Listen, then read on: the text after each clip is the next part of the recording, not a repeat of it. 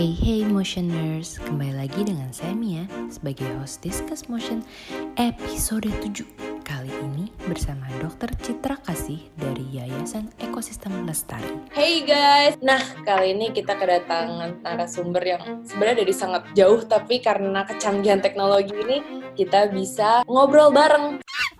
Halo dokter Citra, eh Kak Citra deh. Halo Mia. Nah dok, boleh nih perkenalkan sedikit tentang dokter sendiri dan hal-hal yang mungkin dokter ingin sampaikan terlebih dahulu sebelum kita lanjut ke ngobrol-ngobrol santuy kita. Oke, okay, iya. Saya Citra Kasih, tadi udah disebutin ya, biasanya dipanggil Citra. Background pendidikan saya sih dokter hewan. Cuma memang sekarang saya tidak menangani satwa langsung. Kalau dulu-dulunya iya, saya uh, hands on, saya menangani satwa langsung dan khususnya orang utan. Asik banget nih. Memang hari ini kita memulai tema besar kita yaitu tentang biodiversitas dan Kak Citra speaker opening kita dan akan tentang orang utan tapi memang dari perspektif ya kita orang-orang urban ini jarang menyentuh gitu ya dok. Nah langsung aja nih ke pertanyaan nomor satu ini jarang banget nih kita nggak pernah kayaknya hampir nggak pernah saya lihat di TV ngomongin ini di majalah karena selalu hubungannya antara pacar kek antara anak dan ibu kek nah kali ini saya mau bertanya nih hubungan induk anak pada orang utan silahkan dong. Ini pertanyaan menarik banget, iya dan benar ya. Jarang ya kita membicarakan. Nah, ketika orang utan ini menghabiskan atau hidup bersama dengan induknya tuh dalam jangka waktu yang lama, sekitar 8 sampai 9 tahun. Wow. Antara induk dengan anak, ada hal-hal yang induk dan anak harus saling berbagi di masa yang panjang itu. Itu 9 tahun udah kayak wajib sekolah ya dong. Lama juga. Iya. Kalau di orang utan anak kan nempel masih nempel di badan induk itu itu sampai usia 2 tahun. Itu yang benar-benar tidak berpisah kontak dengan induk. Nah, kalau di orang utan masih tuh induk harus uh, selalu melihat anak atau anak akan selalu memastikan ibunya ada di mana induknya ada di mana gitu Nah, setelah itu mulai akan pelan-pelan tidak ada usia-usia 8 tahun, itulah yang mulailah agak menjauh. Oh gitu, wah lucu banget. Hmm. Dok, kalau boleh tahu, dia apa yang induknya ajarkan gitu? Apa yang diserahkan ke anaknya gitu selama 9 tahun? Ketika usianya sudah 8 atau 9 tahun, sudah waktunya berpisah dari uh, induk, anak memang udah mampu hidup sendiri di hutan. Induk benar-benar seperti apa ya? Mendidik anak, menginvestasikan hidupnya untuk anak ini supaya nanti anaknya bisa mandiri. Hal-hal yang diajarkan misalnya ketika anak masih nempel di badan induk, mereka kan jalan sama-sama. Orang utan arboreal ya, maksudnya hidupnya di atas pohon. Mereka berbadan besar tapi makhluk yang hidup di atas pucuk-pucuk pohon gitu ya. Hmm. Dan mereka juga berpindah dari satu pohon ke pohon. Kalau primata yang lebih kecil, kera-kera yang lebih kecil ya, misalnya kayak gibbon, owa, itu mereka lompat kalau berpindah pohon hmm. gitu. Nah, kalau orang utan karena badan dia besar, bobotnya kan berat itu. Jadi ketika mereka berpindah di atas dari satu pohon ke pohon yang lain, ini hal yang uh, induk juga harus ajarkan ke anak. Gimana caranya berpindah? Jangan sampai karena si anak lihat gibbon lompat, dia juga mencoba lompat gitu loh. Oh no! Induk itu kadang menjadi jembatan. Jadi misalnya ada dua pohon uh, tinggi gitu, dan kan antara pohon ini misalnya tidak sambung, ada gap, ada ruang. Menjembatani yang ruang ini kalau induk karena badannya besar, dia mungkin bisa gitu. Tapi anak kan kecil, dia nggak bisa, belum nyampe itu. Nah di situ induk kadang yang jadi seperti jembatan, bridging gitu. Jadi induk akan merebahkan badannya di antara dahan satu dengan dahan pohon berikutnya dan anak lewat itu kadang juga induk akan pindah duluan ke pohon sebelahnya. Kemudian induk akan rebahkan dahan, dia kasih kayak berat badannya di dahan itu, jadi dahan itu miring ke pohon di mana si anak ini ada. Jadi anak kemudian bisa raih dahan itu dan pindah. menentukan dahan mana yang pindah, dahan mana yang dipilih dari sekian banyak po dahan yang kuat. Nah, ilmu-ilmu ini kan yang anak belajar dari induk. Misalnya juga mengolah makan gitu. Kalau masih usia-usia muda, induk akan punya dulu makanan gitu. Dan si anak akan lihat ya. Jadi hmm. anak itu mulai makan solid food ya, makanan keras itu sekitar usia eh, enam uh, bulan. Itu induk akan coba dulu tuh proses makanan, anak akan liatin. Nah kadang seperti itu, induk akan membolehkan si anak uh, ngambil dari mulut ibunya untuk nyoba. Uh, nah, tapi seiring usia makin besar anaknya, itu kadang udah nggak dibolehkan. Anak udah mulai disuruh untuk, eh nggak boleh ngemis gitu kan. Kamu harus cari sendiri, gitu. Udah mulai belajar. Gitu. Induk mengajari itu bertahap. Uh, terus hal lain proteksi. Jadi induk ini akan menjadi protektor sama uh, detektor lah ya kalau ada predator gitu. Jadi induk akan mulai waspada dulu. Jadi anak belajar oh ternyata misalnya uh, uh, harimau itu predator ya karena dari gaya induk menunjukkan itu. Anak tahu oh ya ini predatornya. Mana yang induk ternyata santai-santai saja, misalnya mereka makan di dalam satu pohon dengan uh, satwa lain, berarti itu bukan predator. Induk nggak ngasih tanda-tanda gitu. Oh. Kalau manusia tuh kalau misalnya punya anak cewek nih ada yang mau ngajak ngedate nih, eh, ayo izin dulu. Yeah. uh, kalau ada orang asing jangan langsung mau diajak. Nah kira-kira seperti itulah ilmu yang ada hari ibu untuk orang utan ini. Iya benar. Dan karena itu lagi ya, karena mereka soliter, jadi induk itulah yang jadi teman gaulnya anak. Jadi teman sosial company-nya. Oh. oh. karena kan mereka karena mereka soliter ya, nggak nggak selalu dalam oh. grup.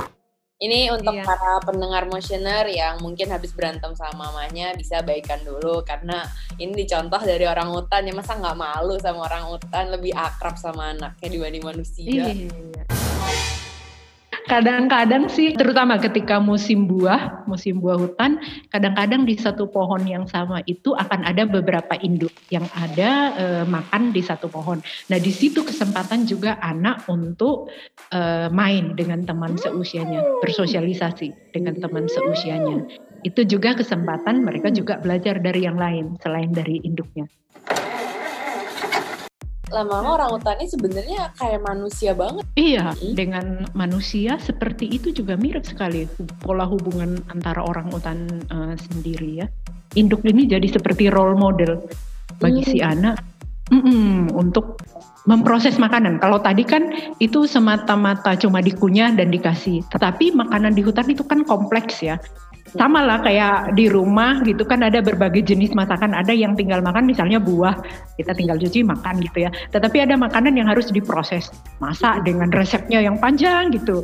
Ya, orang tua yang memasakkan nah di hutan juga seperti itu. Tidak semua uh, buah atau uh, daun atau kulit yang jadi makanan orang hutan itu bisa langsung dimakan. Nah proses memproses makanan atau uh, teknik mengolah makanan atau mendapatkan makanan itu ditunjukkan lagi oleh induk. Kayak misalnya, misalnya mereka mau makan uh, madu misalnya. Hmm. Madu kan ada lebahnya ya, dan ya. lebah itu akan nyengat orang utak. Nah induk kadang pakai stick, jadi dia ambil ranting itu dipatain lalu dimasukkan ke dalam, baru uh, madunya dinempel di ranting itu dan dimakan. Nah itu anak akan sangat memperhatikan itu. Lalu dia akan ikuti juga. Uh, wow Kak Citra, kan ini penting banget antara induk dan anak ini udah hubungan sangat penting dan keberadaan mereka berdua juga sangat penting. Nah, apa dampaknya kalau induk orang utannya nggak ada? Apalagi karena deforestasi nih gara-gara ulah manusia. Ini kan jadi alam mereka mulai berkurang, rumah mereka jadi semakin lama semakin terdesak gitu. Dan apalagi lebih parahnya, suka ada beberapa pihak yang mengambil paksa anak orang utan dari indukannya.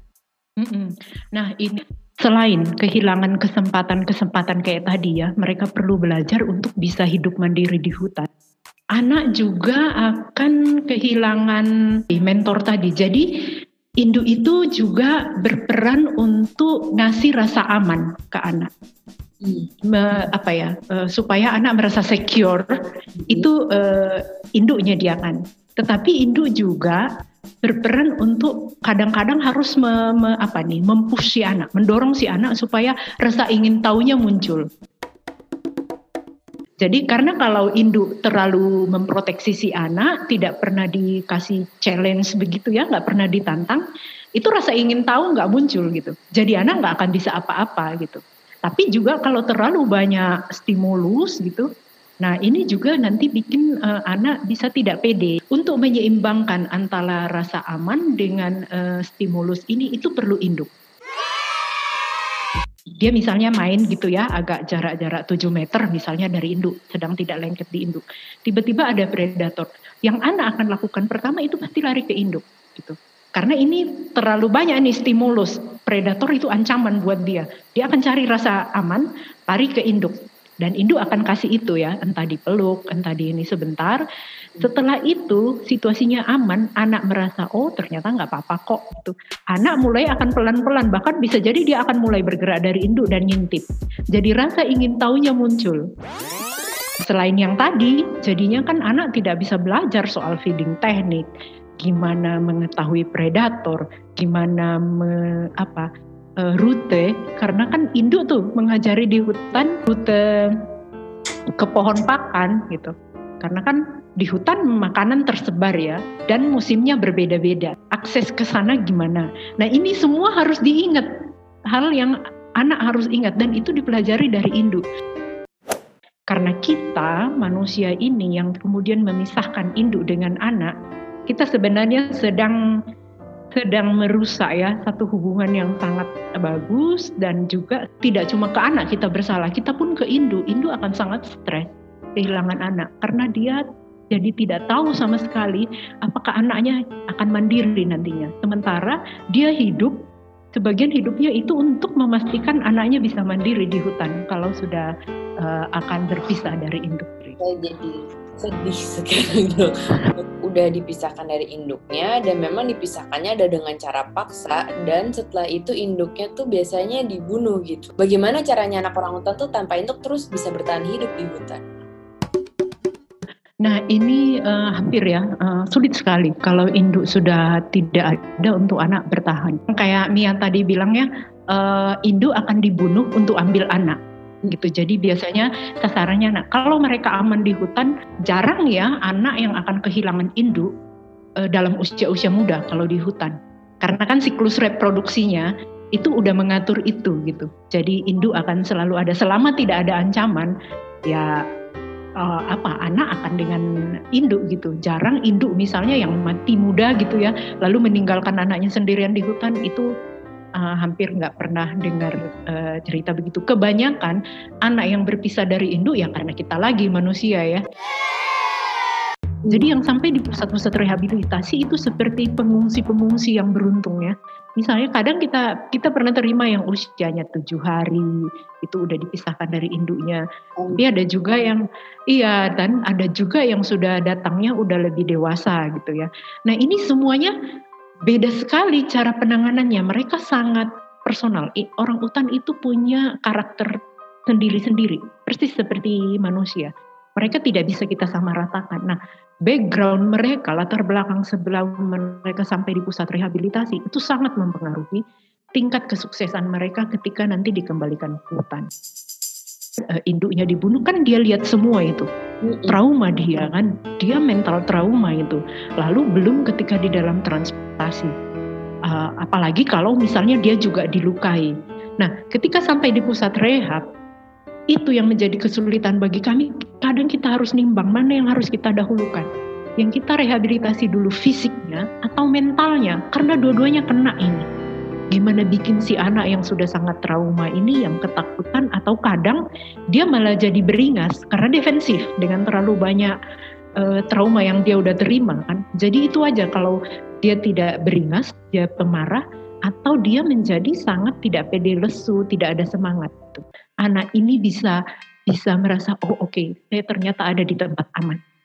Kalau dia udah merasa begitu, lalu kemudian kan mereka kehilangan rasa percaya ke manusia trustnya itu nggak ada. Nah, membangun trust antara teman eh, teman-teman dokter hewan atau keeper dengan si orang hutan yang sedang trauma ini juga perlu waktu. Hmm. Nah ini kita harus lakukan pelan-pelan.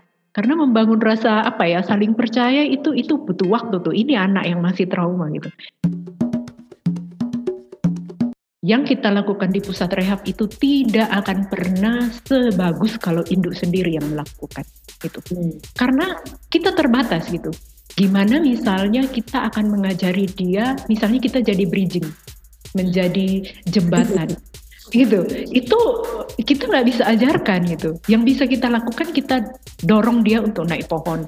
Entah kita ikut manjat lalu dia ikut kita ke atas atau kita taruh buah di atas atau kita tunggu di bawah dan meyakinkan oke okay, kamu naik saya nggak ke mana-mana kok gitu. Karena kan dia perlu tetap lihat induk ada nggak di situ? E, memproses makanan gitu kalau saya makan baru saya kasih ke orang hutan itu sama sekali tidak boleh gitu. Karena kan bakteri segala macam itu bisa berpindah kan? Itu nggak boleh e, bermain dengan orang hutan kita bisa, tapi permainan seperti apa yang itu kemudian memang di dunia orang hutan dia butuh gitu. Hmm. Kalau kita manusia kan paling kita kelitikin lah gitu ya sebatas seperti belum tentu itu yang mereka butuhkan gitu. Setiap permainan orang hutan dengan induk atau dengan temannya itu punya tujuan untuk nantinya mereka ketika mereka mandiri di hutan.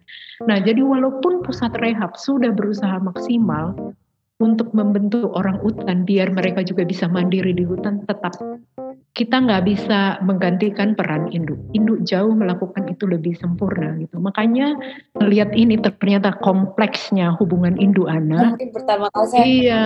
pun saya pikir move on dari mantan tuh udah paling kompleks kita tadi ngomongin deforestasi ya, hutan banyak dibuka dan kadang kita lakukan yang namanya translokasi, memindahkan satu orang hutan dari habitat yang terancam ke habitat yang lebih bagus. Mereka tidak perlu masuk pusat rehab. Kita pikir uh, ya itu sebatas memindahkan gitu ya, pindah dari hutan jelek atau hutan tidak bagus ke hutan bagus dan mereka akan aman selesai di situ. Enggak, di Bali itu kan kita sedang memindahkan dari tempat yang dia udah akrab, dia udah tahu buah ada di mana, sumber pakan ada di mana, pembuahannya kapan gitu. Kita pindahkan ke tempat baru di dalam apalagi di dalam usia yang dia misalnya udah tua gitu. Harus memulai semuanya dari awal. Itu itu nggak gampang gitu. Translokasi lagi-lagi eh, itu opsi tapi itu pilihan terakhir deh. Jangan jangan kita habisi hutan dengan berpikiran oh gampang kok Gak semudah itu Bambang. Ada ada hal yang harus kita pikirkan gitu. Ini nggak cuma sekedar memindahkan kayak barang gitu digeser tempat. Mereka udah punya tempat di situ. Ada hal yang dia udah pelajari dari dia kecil untuk siap di lingkungan itu ya membangun kepercayaan itu sulit ya nggak usah deh kita ya. jauh-jauh ngomong antar orang hutan atau kita dengan orang hutan tapi kita dengan sesama hmm. manusia aja ketika suatu kepercayaan dipatahkan itu sangat sulit untuk ibarat direhabilitasi. Saya selalu bilang kayak ke teman-teman motioners juga dan juga teman-teman saya, hal sekecil apa pun itu pasti ada dampaknya pasti ada impactnya yaitu di mana mm-hmm. sesimpel sesederhana udah sih yang nggak kita ngerti yang mungkin memang sudah harusnya di situ-situ aja nggak usah diganggu gitu kalau kita sudah belajar ya, belajar dari satwa atau kita berdampingan dengan satwa, harusnya sih itu membantu kita sebenarnya dengan melihat satwa ini membantu kita juga untuk memahami sesama spesies kita gitu. Jadi memahami ketika misalnya uh, teman kita uh, agak aneh gitu ya, hmm. ya mungkin dia punya sesuatu yang traumanya yang kita tidak tahu. Harusnya sih kita lebih mengerti. Nah, terus nih dok, menurut pendapat dokter, jadi ada sebuah laporan nih, yaitu tahun 2018 oleh The Nature Conservancy yang mengatakan sekarang itu jarak antara kawasan yang dilindungi, ya intinya rumahnya para satwa liar ya, yang biasa jadi tempat tinggal mereka, dengan perkotaan itu sekarang mulai makin dekat. Dan laporan terakhir kurang dari 50 km. Nah, menurut dokter, hal ini tuh salah satu faktor satwa liar kita semakin cepat punah nggak sih? Kalau jarak antara manusia dengan satwa liar makin dekat, itu eh, langsung atau tidak langsung akan berpengaruh kepada laju kepunahan ya, yang makin cepat. Misalnya dari penyakit kayak sekarang nih, COVID nih, sedang terjadi dulu SARS, itu kan juga karena alih fungsi lahan ya. Selain itu dengan jarak yang makin dekat, akses ke hutan juga makin terbuka, makin gampang orang untuk mengeksploitasi apa pun isi hutan itu. Kalau gitu nih dok, apa sih yang harus manusia perhatikan perihal hal ini? Uh, pikir ulang ketika akan memelihara satwa liar, apa pun itu, satwa liar apa pun ya, tidak harus orang hutan, sugar glider, sekarang kan lagi ngetren tuh, satwa-satwa eksotik. Mau satwa asli Indonesia atau dari luar, tolong uh, pikir ulang ketika akan memelihara itu. Ketika kita ambil dia dari tempatnya, peran dia di dalam uh, lingkungan, di dalam ekosistem ini kan kita hilangkan. Gitu. Hmm. Sementara ekosistem ini kan saling berkaitan satu sama lain. Ketika kita ambil perannya hilang, tunggu gitu. Kita akan kena dampaknya. Satwa-satwa yang sudah didomestikasi, anjing, kucing, itu mereka bisa kita pelihara. Perdagangan online itu marak sekarang uh, untuk satwa liar. Jadi kalau pada tahu itu uh, tolonglah uh, dilaporkan gitu ya. Jadi kita saling mengedukasi. Kalau ada temennya yang pelihara itu bolehlah dengan pengetahuan dari dengerin uh, diskusi kita di Discuss Motion ini kan udah bisa dengar dari situ dan ya oke okay, mari kita saling mengedukasi satu sama lain gitu. Karena mungkin ada yang memelihara karena tidak tahu gitu. Dengan tahu mudah-mudahan jadinya uh, berpikir ulang dan akan uh, tidak lagi melakukan tindakan itu. Uh, sebagian besar dari yang pendengarnya podcast ini kan usianya 18 sampai uh, 35-an, kira-kira gitu range usianya ya. Jadi masih usia yang sangat muda dan akan membuat keputusan nanti untuk untuk untuk negara kita gitu, untuk Indonesia atau di dalam lingkungan terkecil kita. Nah, pesan saya cari informasi deh sebanyak-banyaknya. Hmm. Jadi kita mengedukasi diri dengan informasi yang masuk itu akan menentukan keputusan-keputusan kita. Tidak masalah nanti kawan-kawan sekarang atau nantinya akan ada di posisi apa pun. Mau itu di keuangan, mau jadi astronot, atau mau jadi bankir, atau mau jadi uh, apa apa pun ya engineering profesi apa pun tetapi dengan informasi tentang uh, pentingnya kesaling tergantungan kita di alam itu akan menentukan keputusan kawan-kawan nantinya. Teman-teman semuanya nanti putusan yang kita buat berdasar informasi yang tepat. Itu kira-kira mbak Mia. Itu dia benar sekali Kak Citra. Itu juga yang pengen dari Discuss Motion berikan kemudian juga ya tolong lebih baik mencegah daripada mengobati gitu udah bener. Juga menurut saya yang paling penting lagi karena pendengarnya kita adalah ya kayak dokter bilang anak-anak muda. Ya tolong jangan cuma mengedukasi diri lagi doang sampai situ karena menurut saya kita potensinya banyak terutama anak-anak muda.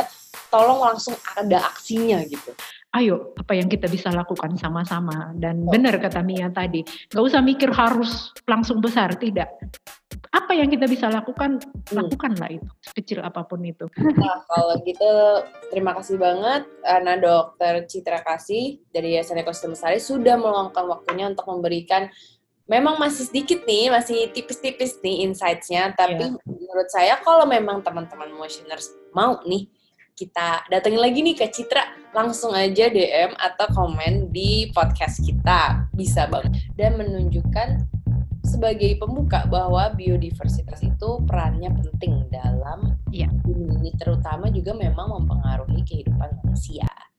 Oke deh dong. Oke, terima kasih banyak. Ya, sampai ketemu lagi ya. Iya dong, harus. So stay tuned for our next podcast on Motion for Nature. Dan bagi yang ingin membantu lebih, bisa cek link donasi di home profile Insta kita yang akan kita salurkan untuk lembaga-lembaga konservasi khusus untuk satwa liar di Indonesia. So see you guys next time.